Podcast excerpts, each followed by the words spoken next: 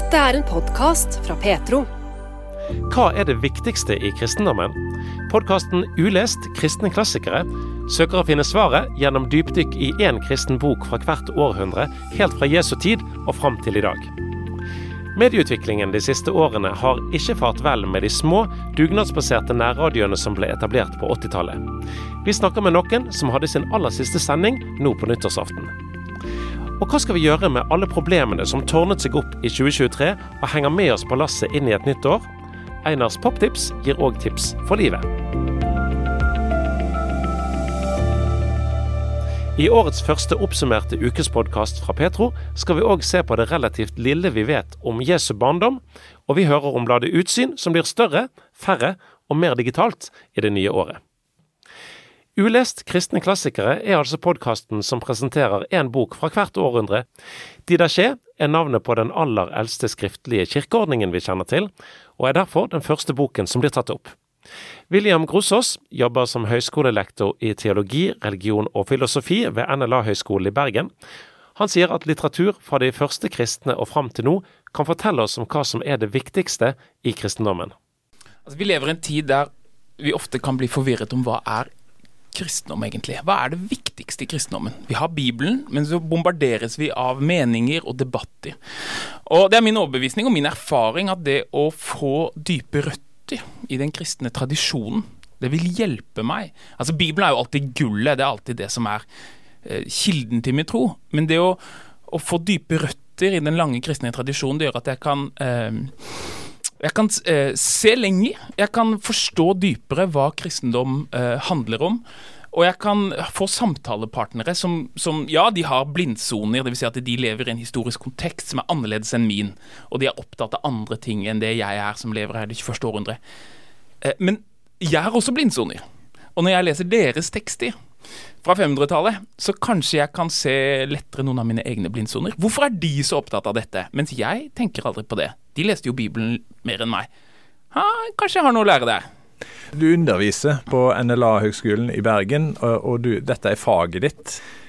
Du har jo en fordel eh, med dette her, da, med den kunnskapen og basisen for å skjønne eh, dette temaet her. Ja, men jeg er jo ganske ny på NLA, og jeg er først og fremst predikant. Og, eh, og og leter egentlig etter ting som kan være til tro, altså bygge tro for meg. Uh, vi har jo en tredje studio som har lengre erfaring enn meg å undervise teologi.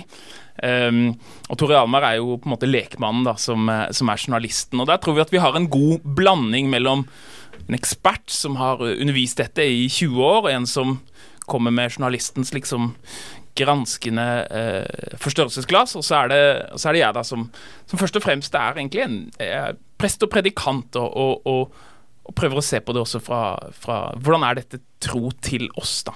Tor Hjalmar Sævik, du er journalist i avisa Dagen til daglig, og du er med i denne podkasten her. Hvor eh, stor historieinteresse må du ha for å være med og snakke om eh, bøker som går tilbake 2000 år? For å snakke om det bør du kanskje ha litt historisk interesse. Jeg har jo tatt en, en master i historie i, i sin tid om Augustin, faktisk, som er en av de vi, vi snakker om. sånn at jeg har jo eh, fordypa meg litt i tematikken med, med litt annen inngang enn det vi, vi holder på med, med her. da. Men vi har fått flere tilbakemeldinger fra mennesker som eh, ja, kan være eh, i helt vanlige jobber, helt andre livsfaser, ikke har noe verken tunge verv eller heltidsstillinger som, eh, som profesjonelle kristne, om skal si det sånn. Men som likevel opplever at dette her åpner en ny verden for dem, og kanskje gjør at en blir berika i sitt trusliv, fordi en ser at en har så mange flere å lære av og lene seg på og bli inspirert av, eh, som enn akkurat de vi har rundt oss i dag. Eh, og, og, det betyr ikke at eh, altså Det kristne fellesskapet som vi har i dag, er jo naturligvis veldig viktig, men jeg tror det å forstå seg sjøl som del av ei, ei lang kristen historie, da, det er en veldig rikdom. For Norge er jo et uh, ungt land, hvis en uh, tenker sånn, da. Det er jo ikke så mye litteratur vi har som er eldre enn uh, 1000 år og vikingtida. Dere er jo ikke kommet der ennå. Dere er kommet uh, til rundt 600 år ut i tidsrekninga. Så dere må jo ut og finne bøker i i Europa, og der har jo en kultur, eh, kristen kultur, som, som, går mye lenger enn i Norge. Ja, jeg syns jo egentlig at det er ikke minst interessant med et av de eldste skrifta som vi vet om etter eh, Bibelen ble skrevet, nemlig et sett Didaché, som vi begynte med de første episodene. Da. Og det beskriver bl.a. hvordan gudstjeneste foregikk eh, blant de første kristne. og foregikk, Beskriver litt av forventningene til kristne ledere, og også om opplæring av kristne. Fordi De første kristne tiden så var det ikke sånn at de hadde en bibel. Det var ikke sånn at å, dette, her har jeg en bok, og dette er Bibelen. Den består av dette og dette. De hadde skrifter. Og disse skriftene de kjente de igjen en slags åndelig musikalitet i, og sa at dette er Den hellige ånd som taler til oss. Og disse tekstene går helt tilbake til de første eh, apostlene. Og så har du tekster som liksom lever rundt det, som ble skrevet samtidig. Kanskje de var skrevet av disiplene til apostlene. Eh, og som noen mente skulle være Bibelen, andre mente det skulle ikke være. Og så fantes det jo til og med kristendom før man hadde tilgang på Bibelen. ikke sant? Bare tenk hvordan var det å være kristen eh, 30 år etter at Jesus eh, eh, sto opp igjen i Egypt. Eh, da har du Johans evangeliet er ikke skrevet. Eh, Matteusevangeliet er kanskje, kanskje det holder på å skrives. Paulusbrevene kanskje har ett av de har nådd meg. Jo, eh, Didache er et sånt tekst, eksempel på en sånn tekst som er skrevet av kristne som kanskje levde i en sånn situasjon, eh, men som ikke hadde tilgang på Bibelen. Eh, og Da får vi lære veldig mye interessant som kan også eh, berike hvordan vi forstår Bibelen. Eh, og vi ser jo at ok, den, den, liksom, den høye kvaliteten som vi f.eks. finner hos Paulus, den, den, gullet, da, for å beskrive det, det, det er kanskje ikke det, men det er sølv. Og det peker og det fordyper vår forståelse av, av, av bibelteksten. Og på samme måte så, så, så, består kirkehistorien det består av tekster som Ja, det er ikke, det er ikke det er ikke liksom mm, Johannesevangeliet en fullkommen liksom, renskåret tekst uten feil og lyte. Det er, det er mennesker som, som, lengter etter Gud, og som skriver fra sitt perspektiv i bønn. Men ved å lytte til de, så ser vi Bibelen på nye måter. Og så får vi eh, inspirasjon til å, å, å, søke Gud som de gjorde, og, og, og se mer. Men er kristne, når en går så langt tilbake i tid, eh, eh, er de opptatt av eh, det samme trosspørsmålet som kristne i dag? Det er vel både ja og nei, vil jeg si. På ene sida så, så, tror jeg at vi som grunnleggende vil jo være opptatt av det samme når det gjelder hva betyr det å leve som kristen? Hvem er Gud? Hvem er Jesus Kristus? Og samtidig så lever jo vi i en tradisjon der vi er blitt vant med at veldig mye er etablert og avklart, og, og at ja, du er lutheraner eller du er pinsevenn, og så forbinder eller, og ja, noen er katolikker og andre ortodokse. Og så har vi masse eh, ting som vi forbinder med det, og vi tenker at ja, leser du 88-oversettelse eller 2011-oversettelse av Bibelen, sant? men så, eh, så er, snakker vi her om, om, mennesker som kanskje ikke kunne lese i det hele tatt, og iallfall ikke hadde noen bibel å lese hvis, hvis, de kunne det, men likevel ønsker å leve som kristne. Så forutsetningene var forskjellige, og samfunnet var naturligvis helt annerledes. Men så ser du at det der er somme ting som som de er borti som kan være litt morsomme å sammenligne. Da. For eksempel, hadde de allerede begynt med omreisende predikanter. For meg som er vokst opp på bedehuset, så er det et kjent fenomen. Vi hadde mange sånne boende hjemme i min oppvekst.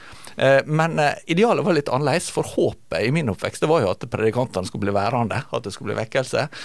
Mens i det der skjer, så står det jo at hvis en predikant blir boende eller en omreisende blir boende mer enn to dager, så kan du vite at det er en falsk profet. Han ville ha for mye mat. Ja. Han var så sulten. så dette er jo noen interesser som går på det økonomiske, som går på relasjoner og potensial for utnyttelse. Så masse sånne interessante ting. Internett gjør det lettere nå enn noen gang å få tilgang til den klassiske kristne litteraturen som presenteres i podkasten Ulest, sier William Grosås. Vi lever jo i en tid der vi har tilgang til eh, mer informasjon enn noen gang. Vi har enormt tilgang til all mulig informasjon. Eh, spørsmålet er hva skal man lese? Hva skal man bruke tiden sin på? Du kan se, du har tilgang på På 90-tallet så hadde man et par filmer, og de hadde man kjøpt fordi man syntes de var gode. Eller man hadde hørt at de var gode. Men i dag har vi tilgang til alle filmer som fins gjennom strømmetjenester. På samme måte så har vi tilgang til så å si alle kirkefedrenes skrifter på internett. Tilgang til nesten alle kilder. Men hva skal man lese? Og det er jo litt av det som er eh, på en måte misjonen til vår podkast. Det er å og en slags dannelsesreise for troen, der vi prøver å lede hverandre gjennom kirkehistorien til de kildene som, som har vist seg å være eh, eh, dype nok til at de kan eh, gi næring til kirken over tid. Eh, og Derfor er jo målet vårt det er jo fra århundre til århundre være et slags sånn et fellesskap, et lesefellesskap, som, som, finner de viktigste tekstene fra hvert århundre, og, og leser de og diskuterer de og, og blir velsignet av de. Ikke alle, men de fleste av disse tekstene er uh, lettere tilgjengelige enn man skulle tro. Uh, I hvert fall hvis man leser engelsk. Og det er jo en del av det som ikke er oversatt til norsk, men, uh, men som sagt så er det underlig hvordan du f.eks. Uh, Augustin, f.eks., som preka enormt mye. En av de kirkefedrene som har skrevet mest. Hvis du skal ha hans samlede verker i bokhylla, så er det veldig mange bind, tykke bind. Men nå er alt tilgjengelig fra et tastetrykk. Men hva hjelper det, for ingen leser det? Ikke sant? Vi leser eh, siste nytt om et eller annet som ikke har noe evighet i seg, i stedet. Eh, og, og, vi kan aldri lese alle bøkene som er i et bibliotek. Vi kan aldri få alle nyhetsoppdateringene som fins. Og da må vi finne ut hva skal vi bruke tiden på. Og vi i Ulest vi slår et slag for at vi bør lese de kristne klassikerne. Derfor så heter vi Ulest kolon kristne klassikere. Det er det fulle navnet på podkasten. Tor Hjalmar Sævik, du er jo journalist i Avisa Dagen, og du kjenner jo Kristen-Norge godt. Hadde ting sett annerledes ut hvis vi hadde hatt større kjennskap til den historiske arven vi har? Jeg tror i alle fall at vi får litt større perspektiv og ro over ting. Altså Det betyr ikke at alle bekymringer forsvinner, og det er utfordringer som, eh, som en skal ta på stort alvor, tror jeg. Eh, men det er samtidig et eller annet med å tenke at, at eh, kristendommen dukka ikke opp i går og forsvinner ikke i morgen. Og, og, rett og slett kjenne på det at dette er en 2000 år lang historie. og Hvis du i tillegg tar med forberedelsen som ligger i Gamle testamentet, så står vi i en veldig lang tradisjon. og Det er ikke sånn at heller den dukker opp bare i den tradisjonen som jeg kjenner best, eller vokser opp i. Men den finnes i, i mange varianter av uttrykk. Og så er det ikke sånn at alt kan på en måte Du kan lage en sånn her eh, lapskaus av alt mulig, men en kan lære kanskje av mye mer enn det en ofte vant med å tenke. At hvis en, hvis en er f.eks. i en i en tradisjon som, som er lagt stor vekt på det, på det spontane og, og, og, det folkelige, så kan en kanskje, uten at en trenger å flytte til et annet kirkesamfunn, så kan en tenke at det, det finnes andre hatt levd i en helt annen sammenheng, hatt et helt annet kristent trosuttrykk, men likevel er innsikter og erfaringer som er viktig for meg å få del i. Så, jeg tror at det, det er oss rikere, da, rett og slett, å kjenne et større eh, landskap enn vårt eget. Og det gjør også at vi, vi, blir, litt, eh, vi blir, litt, tryggere, for vi, vi knytter ikke identiteten vår bare til akkurat det jeg kjenner og ser her og nå. Men, men, er det en fare òg, at en blir litt sånn uh, så opptatt av historien at en uh, ikke greier å leve her og nå? Det kan jo naturligvis uh, skje, men jeg, men jeg, tror at det, um, det, det, er litt med samme denne litteraturen som med annen litteratur, at den kan det kan være en risiko at den fører deg vekk fra livet, men det ligger også en mulighet til å komme nærmere livet. Fordi at en, en rett og slett eh, kommer i kontakt med andre mennesker som har, gått inn i store livsspørsmål, og ikke bare liksom sittet og filosofert over det, men som har levd et kristent liv, og som, som deler den erfaringa med oss. Altså, vi tror jo på Jesus Kristus, og vi bekjenner den samme Jesus Kristus som Johansa Damaskus gjorde på 800-tallet, Irenes gjorde på 200-tallet. Eh, kvinnene Perpetua Felicitas, det er to viktige uh, martyrkvinner som har skrevet den teksten vi har laget en episode om fra, fra 200-tallet. Og vi er ett med dem i Kristus. Og når de bekjenner sin tro, så føler ikke vi sånn 'Å, dette skjedde for 1700 år siden'. Vi kjenner en slags samtidighet. Ja, dette er vår bekjennelse, og vi er ett med dem. Eh, i, for Jesus Kristus er i går og i dag den samme ja til evig tid. Han er ikke en historisk interessant person fra antikken. Eh, så det er dagdrømming om hvordan kristendommen var på 300-tallet, er ikke så interessant. Det som er interessant, det er Jesus som den eh, som de bekjente da, som vi bekjenner nå. Og eh, det her er jo noe som ikke sant, Jeg er jo prest i Norske kirke, og der har vi denne ikke sant, I sannhet verdig og rett er det at vi alltid og alle steder takker deg. Det er før nattverden. Sammen med din menighet i himmelen og på jorden lovpriser vi deg. Altså Det er en sånn samtidighet Det er vi som tror på Jesus, i fortid og fremtid. Vi bekjenner den samme Jesus, og eh, koret blir større og større og større. Eh, fremover i tid og bakover i tid. Vi snakker om podkasten Ulest. og altså ei bok for hvert århundre fram til nå, fra år null. Eh, og det er ei bok dere skal plukke ut. og jeg ser for meg at det er forholdsvis kanskje enkelt, dere er tre stykker som lager dette, her, eh, at dere blir enige eh, nå, for dere kommer til år 600. Men når dere begynner å ha passert vikingtida, så, så er jo bibliotekene blir jo større og større, og det er flere og flere som har eh, skrevet bøker, og det er mer å velge i. Eh, hvordan blir eh, temperaturen blant dere tre? Vi har forhandlinger. Ja. Ja. Dere skal virkelig jobbe nå for å bli enige om hva bok dere skal plukke for hvert århundre? Ja, jeg, må jo understreke at jeg ser på meg sjøl som en slags brubygger, eller et bindeledd. Sånn det, det, det, faglige der, der leder meg veldig på, på William og, og, Peder. Da. Sånn at jeg, jeg, tenker meg at jeg stiller spørsmål på vegne av lytterne. Så, så det er de som har liksom det, tyngste votum når det gjelder valg av bøker. Men, men jeg merker jo at dess lenger vi kommer opp i kirkehistoria, og du får særlig reformasjonstida, så, så, så eh, starter det jo Hvis du sammenligner kirka med et tre, da, som det bildet som William har brukt, og som er ganske kjent eh, Og kritisert har jeg gjort. Ja, ja kritisert har du gjort. Men hvis en ser på det litt sånn, så, så blir det til det tre stadig flere greiner etter hvert vi kommer framover.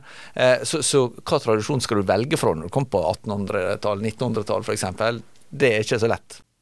Tore Hjalmar Sævik, journalist i avisen Dagen, sa det.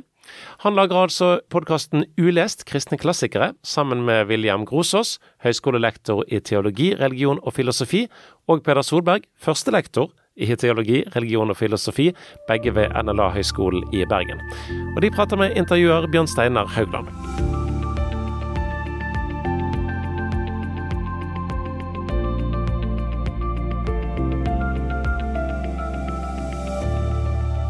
Da kringkastingsmonopolet ble opphevet i 1983, så poppet det opp en stor mengde lokale radiostasjoner over hele landet, ofte drevet på dugnad, og gjerne med bare noen få sendetimer per uke. Medieutviklingen de siste årene har ikke fart vel med denne delen av bransjen. Flere kristne lokalradioer, både i Stavanger og i Bergen, hadde sin siste sending nå på nyttårsaften. En av disse radioene heter Godt nytt radio. De har 40 års historie, mesteparten av tiden med Ingveig og Ingvar Kleppe ved mikrofonen. Ja, nei, det var jo, det var jo nytt, sant. Og, og, på den tiden i forhold til akkurat nå, da, så var det jo mange som hørte på disse nye radioene som kom, som brøt monopolet. ja, for, for, det var jo en helt annen virkelighet. altså ja, Det var jo kun NRK, eh, NRK P1 og NRK P2 og ingenting annet. Ja. Før, før eh, 83 så var det jo det. sant.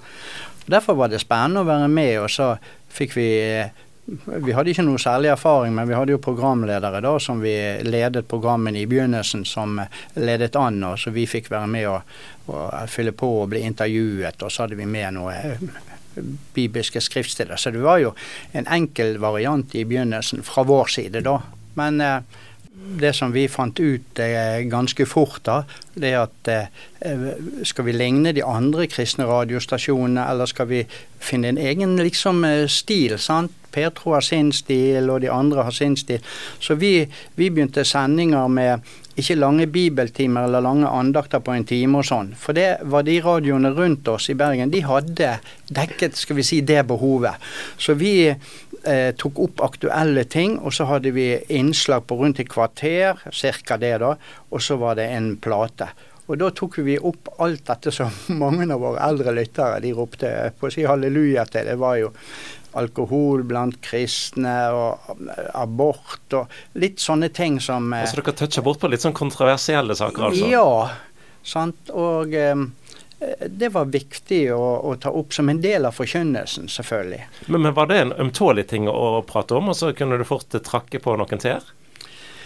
Ja da, men det der er om å gjøre å, å be på forhånd og, og, og sånt, altså. Og så fikk jeg for meg, Ingvar, så lenge du holder til Bibels ord, og du bruker en en, skal vi si, en myk tilnærmingsmåte. Det har noe med hvordan du legger setningene og sånn, sant, og sier det. Så må du kunne ta opp sånne eh, litt radikale ting som ekteskap, og hvorfor ektesk, så mange kristne ekteskap går i stykker, og hele registeret bortover. Men eh, som vi sier, vi må ta det opp på en, eh, en, en etter Bibels ord, men si det på en måte sånn at folk forstår at du er ikke ute etter å hakke på de eller de, men ta det opp som et samfunnsproblem. Som, sant? Og, og, og Dunkelyden vi hørte her, det var altså at du eh, slo hånden ned på Bibelen, for den ligger åpen på bordet foran deg. Eh, eh, og, og, det gjør vel ofte under sendinger, skjønner jeg? Jo. Den må vi ha eh, tett med. Eh, ja da, den, den, har vi alltid i, i nærheten. Ingveig, hva er det som har vært så givende med å lage radioprogrammer for deg? Eh, altså, jeg er veldig Jeg forbereder meg, sant, finner frem i Bibelen og, og leser dikt eller finner sånn og tenker igjennom. Gud led meg sånn at jeg klarer å ha noe til folk eh, der på, på radiostasjonen. sant, Og eh, når vi har direktesending, for det er jo det vi har hatt i veldig mange år, så har det jo vært litt krevende å liksom tenke, men så jeg tenkte Gud, du må hjelpe meg. Så jeg har funnet noe hele tiden, og leitet og hjemme. Jeg har så mye bunker med, med papirer som jeg har samlet. Eh, og eh, det har gitt meg så veldig mye å få tilbakemelding på at folk syns at det har vært godt å høre på. Det har jo vært en drivkraft videre.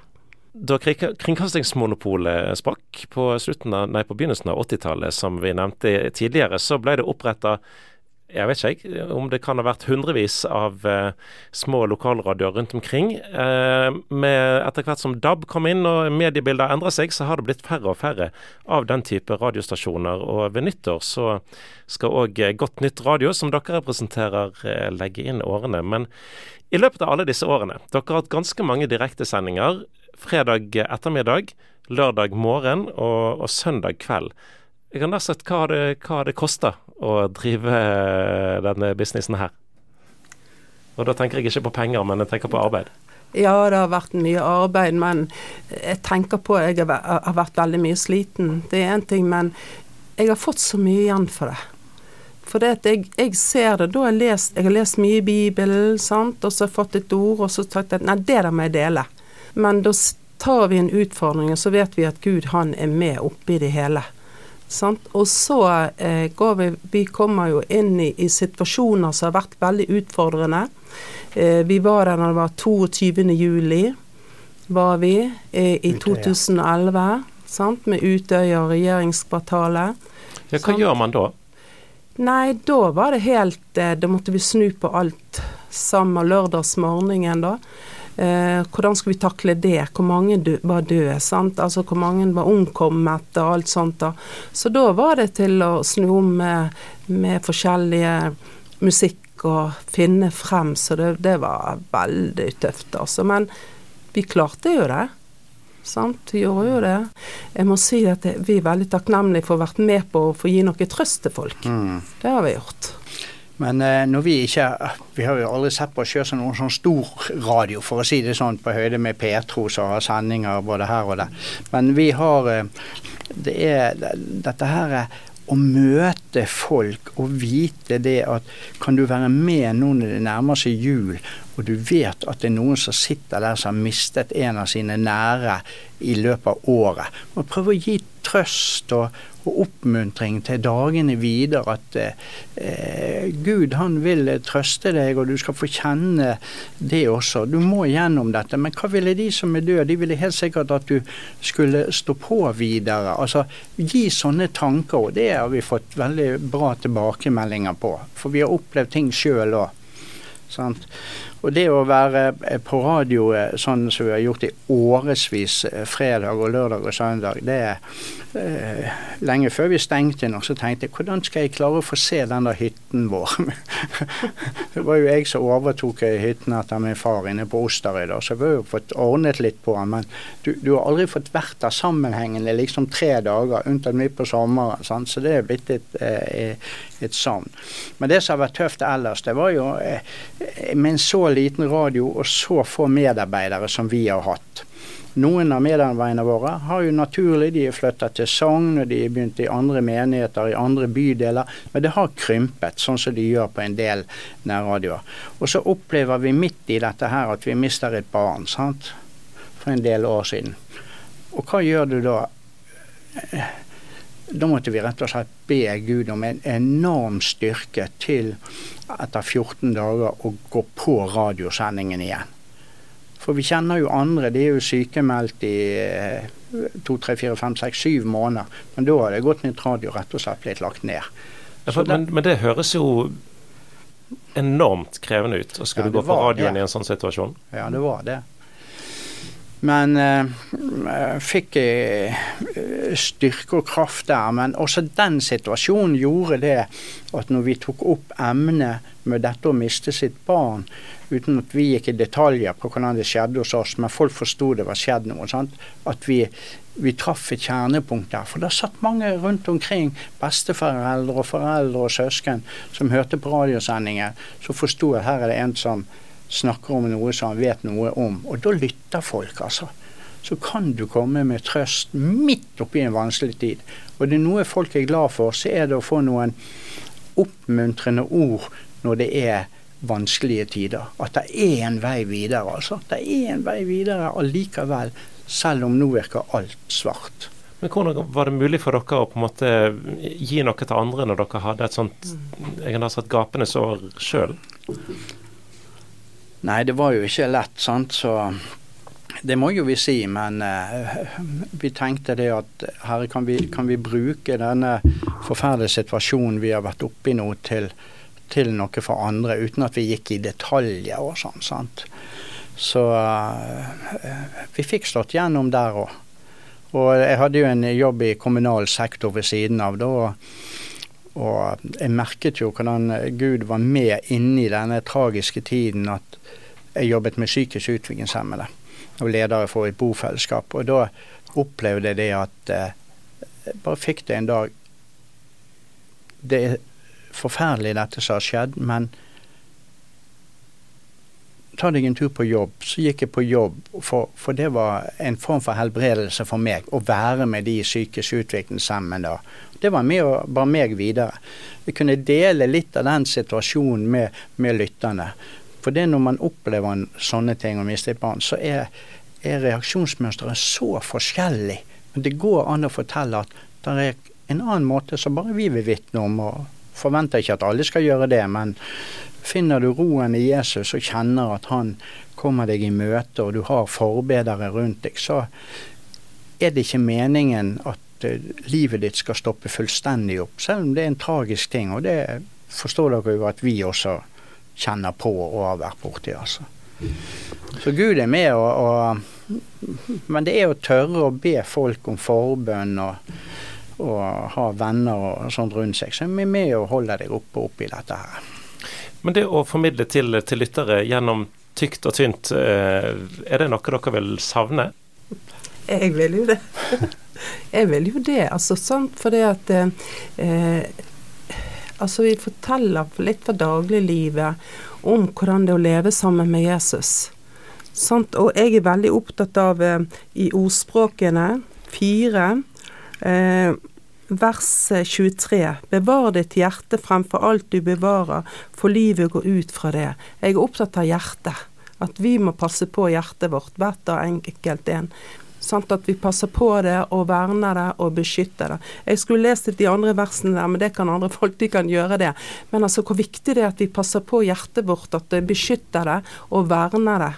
Sånn i denne tiden her, for det er så mye forskjellig som rører seg, at vi vil ha Jesus med oss i hverdagen. Og det er det vi er opptatt av å, leve så tett med Jesus at eh, han får prege våre liv. Og Salme 139 syns jeg er fin.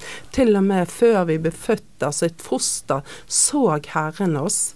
Da er vi verdifulle. Vi er noe spesielle. Gud har en plan for hvert enkelt menneske.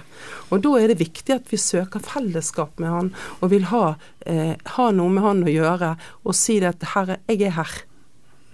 Hjelp meg i denne situasjonen som Ingvar snakket om. Så det at jeg må si det at det har vært eh, fantastisk flott.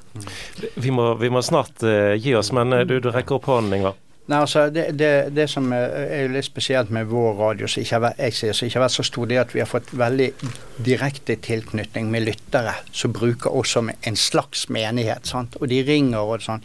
Kan du få lese et skrift som jeg helt til slutt så holdt meg oppe igjen disse årene? eh, det første Korinterbrev eh, 1558. Derfor, mine kjære brødre, stå fast og urokkelig og gjør stadig fremgang i Herrens gjerning. Dere vet jo at deres arbeid i Herren ikke er forgjeves.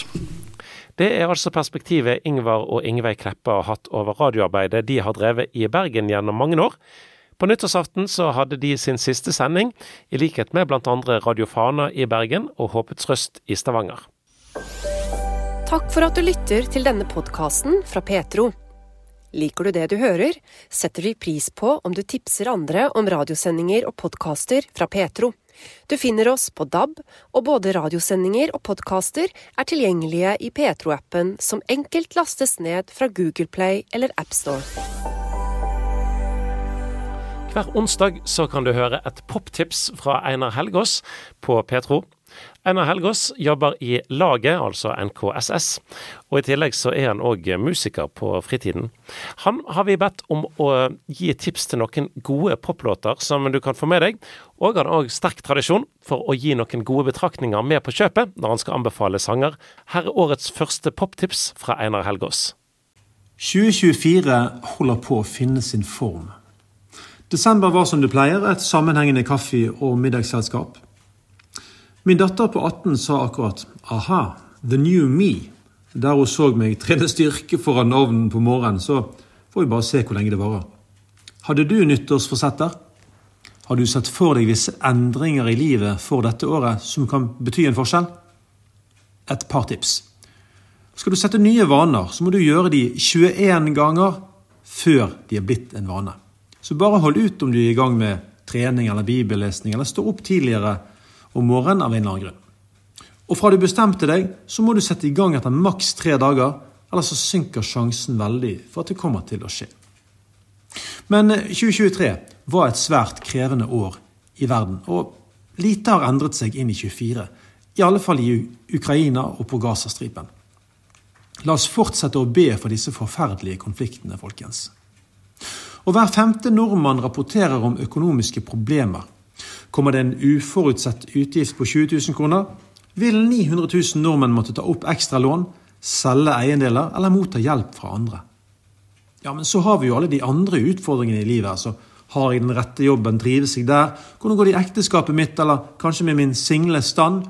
Hvordan går det med ungene, eller gudsforholdet mitt, menigheten min, lokalmiljøet, osv.? Kildene til løsninger kan noen ganger framstå litt tåkete for oss, når vi står midt i det og kjenner at vi omtrent strekkes lenger enn vi klarer. En kan se Dagsrevyen og lure på hvor lenge kommer jorda til å stå egentlig? Og har en i tillegg store relasjonsproblemer, kan mismotet fort snike seg inn. Jeg hadde egentlig valgt en annen sang for dagens poptips, men da jeg lå i senga og skulle sovne i går kveld, slo det inn en sang som ble delt på gudstjeneste på nyttårsaften. En båndsterk låt, men om noe som er det aller sterkeste vi har. Og i møte med alt som krever oss i livet, kan jeg ikke si at jeg har noe bedre å servere deg i dag enn dette. Hør fra teksten oversatt. Jeg vil bare si Jesu navn over hvert hjerte og hvert sinn. For jeg vet at det er fred i ditt nærvær. Jeg løfter fram Jesus. Jeg vil bare si Jesu navn til hver mørk avhengighet begynner å bryte, og erklærer at det er håp og at det er frihet. Jeg løfter fram Jesus fordi navnet ditt er makt, navnet ditt er helbredende. Ditt navn er livet. Bryt hver festning. Skinn gjennom skyggene. Brenn som en ild. Og kjære venner, vi gir oss ikke der. Det er mer å hente hos Jesus når dyktige og gudsovergitte Charity Gale og Stephen Mussow synger oss inn i middagstider denne onsdags ettermiddagen. Bare hør. Jeg vil bare si Jesu navn over frykt og all angst. Til hver sjel holdt fanget av depresjon. Jeg snakker Jesus, fordi navnet ditt er makt. Navnet ditt er helbredende. Ditt navn er livet. Men så blir vi òg utfordra på frimodigheten vår. For én ting er alt Jesus har å gi oss. Men er vi stolte av det? Kan vi formidle det videre? Eller sitter vi stille i lunsjen på jobb når temaet rundt religion kommer opp? Bare hør. Rop Jesus fra fjellene. By the way, jeg bor i Bergen, så jeg har syv fjell jeg kan rope fra. Jeg bare sier det. Rop Jesus i gatene. Rop Jesus i mørket over hver fiende. Rop Jesus for familien min. Jeg taler det hellige navnet Jesus. Som du allerede har forstått, er dette en sterk tekst. Og når du får høre den proklamerende, flotte musikken òg, tror jeg du vil bli grepet. Det er bare til å gjøre seg klar. Men til slutt Vi pleier å si at kristendom er gode nyheter, ikke sant? Hvordan ser det ut når verden holder på å halvveis bryte sammen rundt oss? Klimaødeleggelsene framstår som et halvveis ustoppelig tog, og Trump minner jo òg om et tog som kan vinne valget igjen. Ja, hva skjer da med våpenleveransene til Ukraina? Og hva gjør Putin? Og så videre, og så videre. Nei, ikke mer om det nå. Men før låta slippes løs, tenkte jeg like godt å dynke deg med et utdrag av Jesaja 61. For vi har akkurat forlatt 2023. Og ja, det var et nådens år fra Herren, det. Men det kommer òg 2024 til å være. Vi som kjenner Jesus, kommer til å oppleve nådeår så lenge vi lever, så lenge verden står. Hvis du har syntes kristendom ikke har levd helt opp til forventningene så langt, ber jeg deg åpne hjertet ditt på vidt gap mens du hører det følgende. Og For å toppe det kommer det til og med på nynorsk, mulig jeg rir en Jon Fosse-bølge her, men hør. Herren Guds ande er over meg, for Herren har salva meg. Han har sendt meg for å forkynne en budskap for hjelpeløse, for å forbinde de som har et knust hjerte.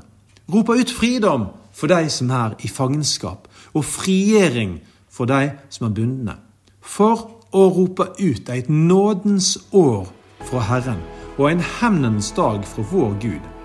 For å trøyste alle som sørger, og gi de sørgende i Sion turban i stedet for oske, gledeolje i stedet for sorg, lovsangstrakt i stedet for motløs ånd. I just want og allerede der må jeg knipe av Charity Gale og låten I Speak Jesus. Den kan du altså høre i Spotify og andre strømmetjenester. Her i podkastland så er det med musikkspilling litt vanskelig pga. rettighetsspørsmål og sånt. Men på Spotify så finner du òg en liste, en spilleliste, som heter Einars poptips. Der er det nå godt over 100 låter som Einar Helgaas har anbefalt.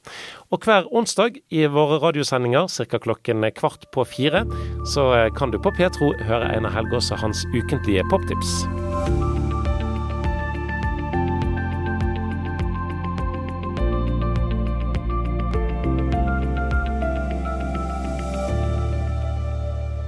Den første utgaven av Utsyn kom allerede i 1891, da kun på papir. Men nå i 2024 så skrives ny historie når det gjelder Misjonssambandet sitt blad, for de har en ny digital satsing som kommer dette året, forteller redaktør Espen Ottosen. Nei, det er eh, absolutt på, på, tide. Og på ett vis så har vi vært digitale lenge. Altså Utsyn fikk faktisk sin første nettside for rundt 20 år siden. Eh, men det har alltid vært en utfordring for oss at vi ønsker å holde eh, papirutgaven aktuell. Hvis folk skal betale, og det gjør de jo, vi har jo abonnenter på den, så må de føle at de ikke får noe som har vært ute på nett allerede. Men så har vi hatt som policy at alt er gratis. Eh, alt på nettet er gratis, og det er det som endrer seg nå. Nå får utsynet en egen nettside, og etter hvert også en innloggingsfunksjon som gjør at du må være abonnent. Mm. Og det tror vi er helt nødvendig, for vi opplever at flere og flere også ikke ønsker papir, og tenker at det er tilstrekkelig å ha tilgang så lenge alt legges på nett. Mm. Men hva er hovedgrunnen til at det går digitalt, bortsett fra at det gjør jo alle nå? Men er det noe kostnader spart, eller eh, nye abonnenter som dere tror dere får? Vi tror det blir en vinn-vinn. Eh, vi kan da tilby eh, produktet rent digitalt. Det er kjempeideelt for misjonærer, utsendinger rundt i verden som kanskje måtte vente to eller tre eller fire uker på posten. Eh, nå kan de lese utsyn når som helst eh, digitalt.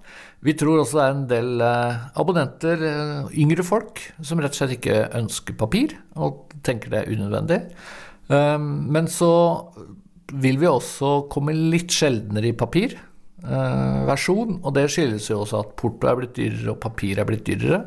Eh, så det å spare litt på antall blad, men samtidig så blir bladet tjukkere, så folk får eh, minst like mye stoff i vår nye variant som den gamle løsningen. Så hvor mange færre papirutgaver kommer det fra 2024?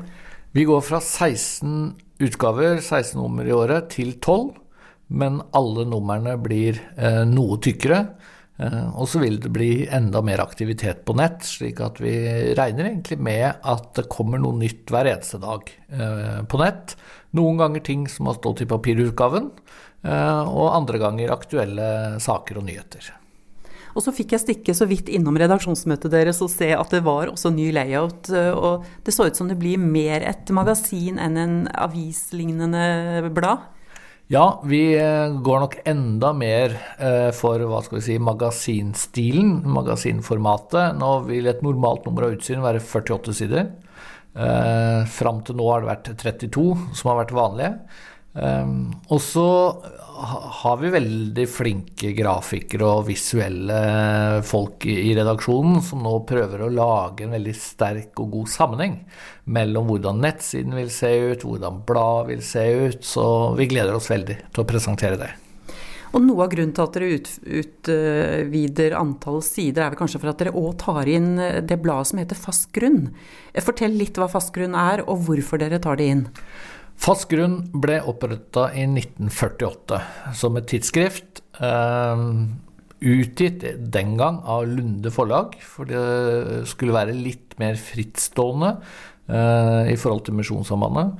Uh, og hadde også lenge en redaksjon og en litt sånn frittstående profil. Så er det en del år siden hvor Lunde fant ut at vi har ikke kompetanse på å drive tidsskrift, så vi overtok ansvaret. Og da gikk det vel som det måtte gå. Eh, vi så at vi kan eh, få en effekt av å slå sammen eh, disse to produktene, utsyn og. Fast grunn tilbyr dybde. Litt lengre artikkel, analyser, grundige bokanmeldelser. Veldig mye som vi tror egentlig alle utsynlesere vil sette pris på. Eh, men det å utgi fast grunn som et tidsskrift fire ganger i året, det, det er ikke lett med dagens portopriser og, og dagens uh, struktur. De har ikke vært uh, i særlig grad på nett. Uh, så nå får Fast grunn egne sider i utsyn ganske ofte. Og i tillegg kommer Fast grunn som et blad, et separat blad, sammen med utsyn to ganger i året. Så nå får egentlig Fast grunn mange flere lesere? Det tror vi. Eh, og vi tror at det blir en veldig god effekt av dette, fordi de som abonnerer på fast grunn, får faktisk da utsyn i tillegg, uten å måtte betale noe særlig mye mer. Og de som abonnerer på utsyn, får fast grunn, stoff, egentlig gratis eh, med eh, abonnementet framover. Så vi tror det er veldig mange som blir fornøyde nå. Men som redaktør, er det kostnadsbesparende dette her? Er det, er det det som kanskje er noe av grunnen også? Ja, vi eh, får en veldig god eh, økonomisk situasjon av dette, tror vi. Men vi er jo avhengig av at folk faktisk vil abonnere.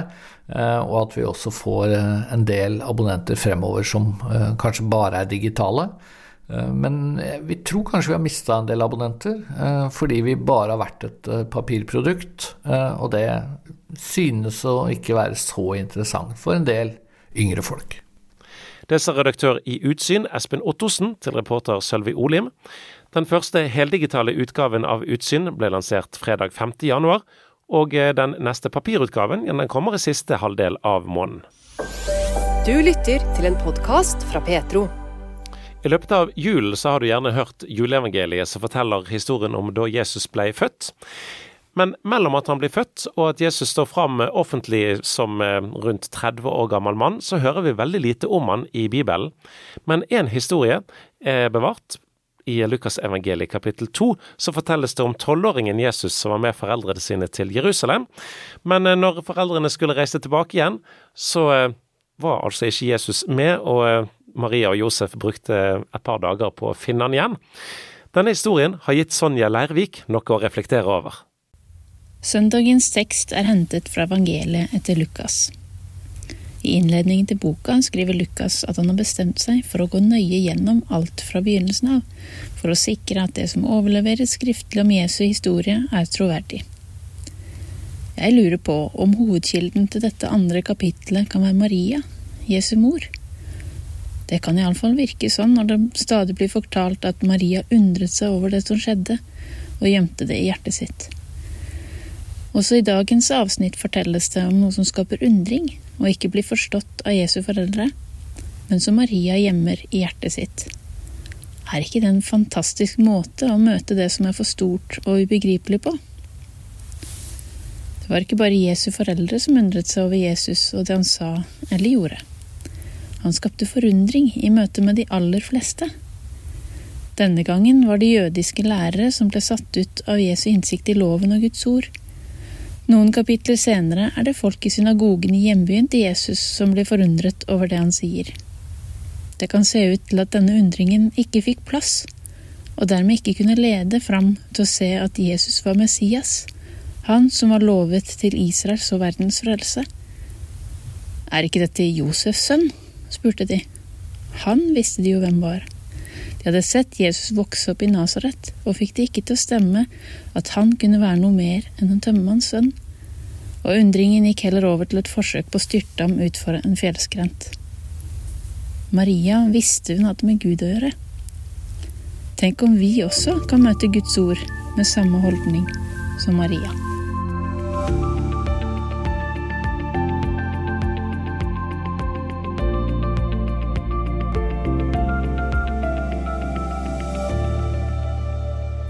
Det er stort å høre barnet sitt si mamma eller pappa for første gang. Da sønnen i huset var ett år, kalte han plutselig faren sin for mamma ved en feiltagelse. Mannen min utbrøt, men jeg er jo ikke mamma, jeg er pappa. Sønnen vår prøvde på nytt, men det ble mamma igjen. Mannen min rettet på en gang til, for så et nytt forsøk fra den vesle gutten, men nok en gang ble det bare mamma. Litt for sent skjønte vi at vi burde ha latt det gå, og ikke kommenterte, for snart la gutten hodet ned på hendene og ville ikke prøve mer. Det neste året måtte mannen min pent nøye seg med å bli kalt mamma, han også. I søndagens tekst setter tolvåringen Jesus et nytt navn på den veldige, mektige Israels Gud. Den hellige Gud, som ikke engang jødene våget å kalle ved navn, men i stedet kalte Herre han fikk navnet far av Jesus. Det var kanskje ikke så rart at foreldrene hans ikke forsto ham. For oss som lever i dag, er vi vant til det navnet på den allmektige Gud, himmelens og jordens skaper.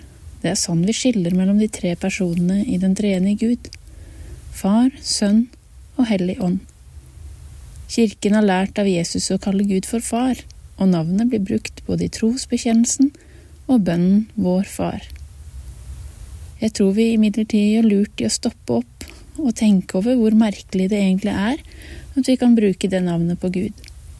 Det er ingen selvfølge å ha en familiær relasjon til den store skaperen av himmel og jord. Det er Jesus som har gjort det mulig, noe som kostet ham livet. Takk Gud for at du vil være vår far, og takk Jesus for at du gjorde det mulig for oss å bli kjent med far.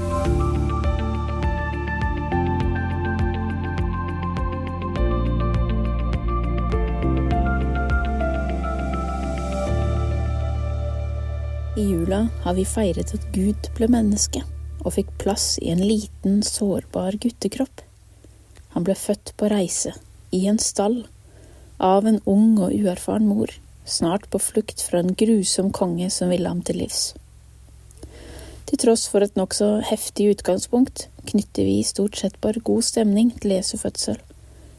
Det storslåtte englekoret over Betlehemsmarkene, der gjeterne holdt nattevakt, vitnet om at Gud hadde kommet til jorda. Han kunne finnes av gjeterne helt i nærheten, i gangavstand, i deres omgivelser. Selv om det ikke helt er til å forstå at Gud i det høye kan finnes i noe så sårbart som et nyfødt menneskebarn, tror jeg vi har vent oss til tanken, og kanskje sånn gått glipp av noe av underet. Da er jeg glad for søndagens tekst, som handler om Jesus som tolvåring. En tekst som viser bruddstykker av en historie om to foreldre som tok ansvaret for å oppdra gutten sin.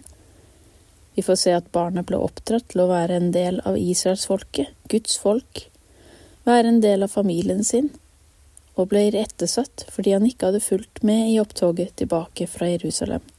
Tenk at Josef og Maria var der da Jesus lærte sine første ord og tok sine første steg.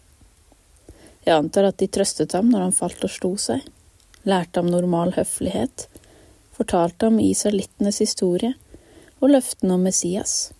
De sang salmene og siterte tekster de hadde lært utenat. Hvor gammel var Jesus da han begynte opplæringen som tømmermann sammen med Josef? I teksten vår ser det ut til at Jesus undret seg over at ikke foreldrene hadde forstått at han måtte være hos sin far i tempelet. Søndagens tekst gir glimt inn i dette at Jesus virkelig var et sant menneske, samtidig som han var sann Gud. Det er godt at Maria gjemte på akkurat denne hendelsen, og delte den med andre som skrev den ned, så også vi kan vite om den.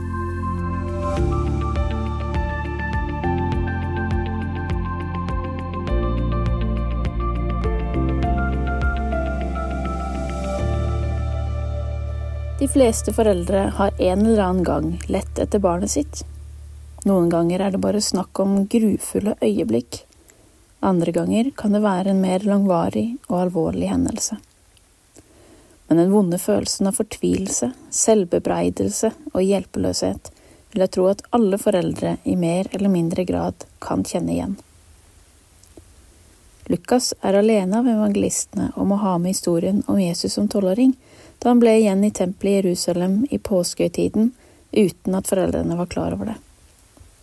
Josef og Maria trodde han var med i det store opptoget av folk som var på vei hjemover igjen etter festdagene i hovedstaden. Det er nesten så jeg kan kjenne det i magen sjøl når jeg leser om foreldrene som oppdaget at Jesus ikke var med dem, etter at de hadde beveget seg en hel dagsreise fra Jerusalem. Jeg kan bare tenke meg hvor mange mennesker de spurte, i begynnelsen litt forsiktig og med søkende øyne, og så mer og mer fortvilelse og desperasjon etter hvert som sannheten gikk opp for dem. Hvordan kunne de gå fra Jesus? Hadde det skjedd noe langs veien som de ikke hadde fått med seg? Hvem hadde i grunnen hatt ansvaret for å forsikre seg om at han var med? Jeg kan bare tenke meg hvordan det var å lete etter en tolvåring i tre dager i et folkekaos Først mot strømmen tilbake til Jerusalem, og så i en stor og ukjent by, helt uten tekniske hjelpemidler. Jeg er glad for at Lukas valgte å ta med denne historien i evangeliet om Jesus, Guds sønn, og vårt eneste håp om frelse. Gud ble virkelig et menneske. Tenk at den allmektige Gud lot sønnen sin vokse opp hos en helt vanlig familie med begrensede ressurser og muligheter det kan bli bare en læresetning at Jesus var sann Gud og sant menneske, men sånne tekster som i dag viser oss at Jesus ble oppdratt som en helt vanlig jødisk gutt, av helt vanlige foreldre, i omgivelser og situasjoner som alle mennesker kan møte på.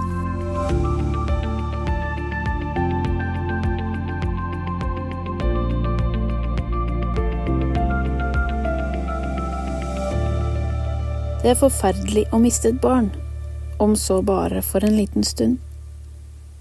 En som man har ansvar for, og som man er så uendelig glad i. Jeg kan knapt forestille meg fortvilelsen og alle bønnene som ble bedt av Maria og Josef mens de lette til Jesus etter påskefeiringa i Jerusalem. I tre dager lette de etter tolvåringen sin før de fant ham i tempelet. Jeg lurer på om Maria kom på denne hendelsen da hun mange år senere mistet sønnen sin til yppersteprestene og de lovlærde. De som hadde undret seg over tolvåringens visdom og innsikten i Guds ord, anklaget ham senere for vranglære og gudsbeståttelse.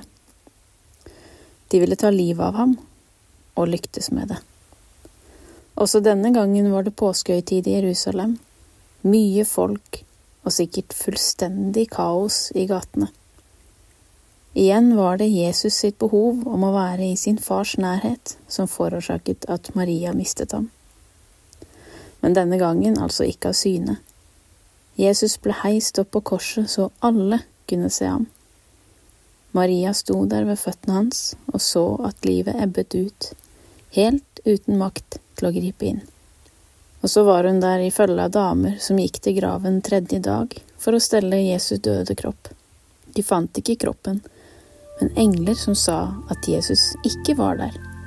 Han hadde stått opp og kunne igjen finnes blant de levende.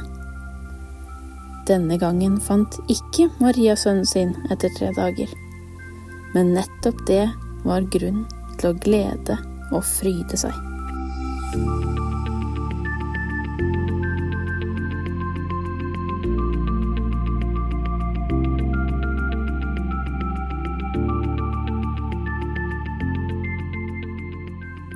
Og med det så var den første Petro-uken i 2024 ferdig oppsummert. Ny podkast kommer fredag om en uke. Jeg heter Bjørn Inge Sagstad. Vi høres.